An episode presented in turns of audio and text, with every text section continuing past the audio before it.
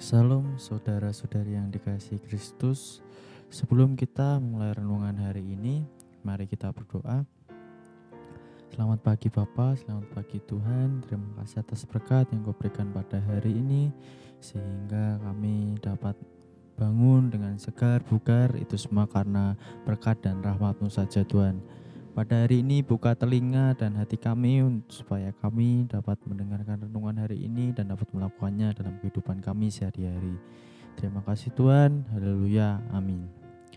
Nats renungan hari ini terambil dari Amsal 16 ayat 1 sampai 33. Rencana kita atau rencana Tuhan. Hati manusia memikir-mikirkan jalannya, tetapi Tuhanlah yang menentukan arah langkahnya. Ada ungkapan yang mengatakan ketika kita gagal merencanakan, maka kita sedang merencanakan kegagalan. Artinya ketika kita membuat perencanaan yang baik dalam kehidupan, maka kita sudah memenangkan 50% keberhasilan. Namun rencana yang baik saja tidaklah cukup. Lewat Amsal Salomo kita diingatkan bahwa hati manusia memikir-mikirkan jalannya, tapi Tuhanlah yang menentukan arah langkahnya. Amsal 16 ayat yang ke-9. Ini adalah sebuah pertanyaan yang tegas bahwa sehebat apa pun kemampuan kita dan sematang-matangnya rencana kita, tetap saja kita tidak bisa melawan kehendak Tuhan.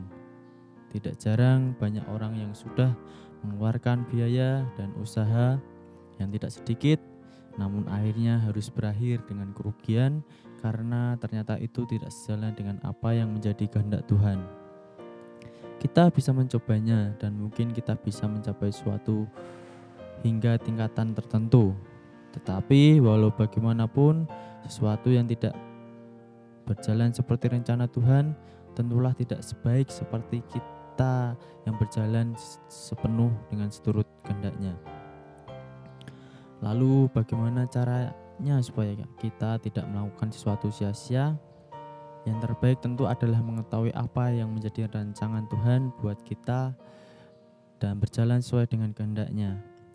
Kita bisa mengetahui kehendak Tuhan ketika kita mau membangun keintiman dengan Tuhan lewat ungkapan syukur, pujian, ketaatan, dan doa-doa kita.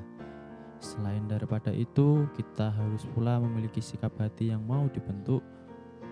Paulus mengatakan di dalam Roma 12 ayat yang kedua, Janganlah kamu menjadi serupa dengan dunia ini, tapi berubahlah oleh pembaruan budimu, sehingga kamu dapat membedakan manakah kehendak Allah, apa yang baik, yang berkenan kepada Allah, dan yang sempurna.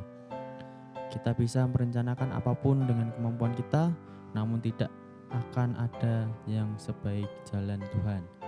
Karenanya, temukanlah apa yang menjadi kehendak Tuhan untuk kita dan berjalanlah di dalamnya. Carilah terus menerus Tuhan dan kehendaknya sementara kita mengerjakan rencana kita. Mari merancang dan memikirkan jalan kita dengan sikap yang tunduk dan taat pada arah langkah yang Tuhan tentukan bagi kita. Kita boleh berencana apa pun, tetapi jalan dari Tuhan pasti tetap jalan yang terbaik. Sekian renungan hari ini. Tuhan Yesus memberkati.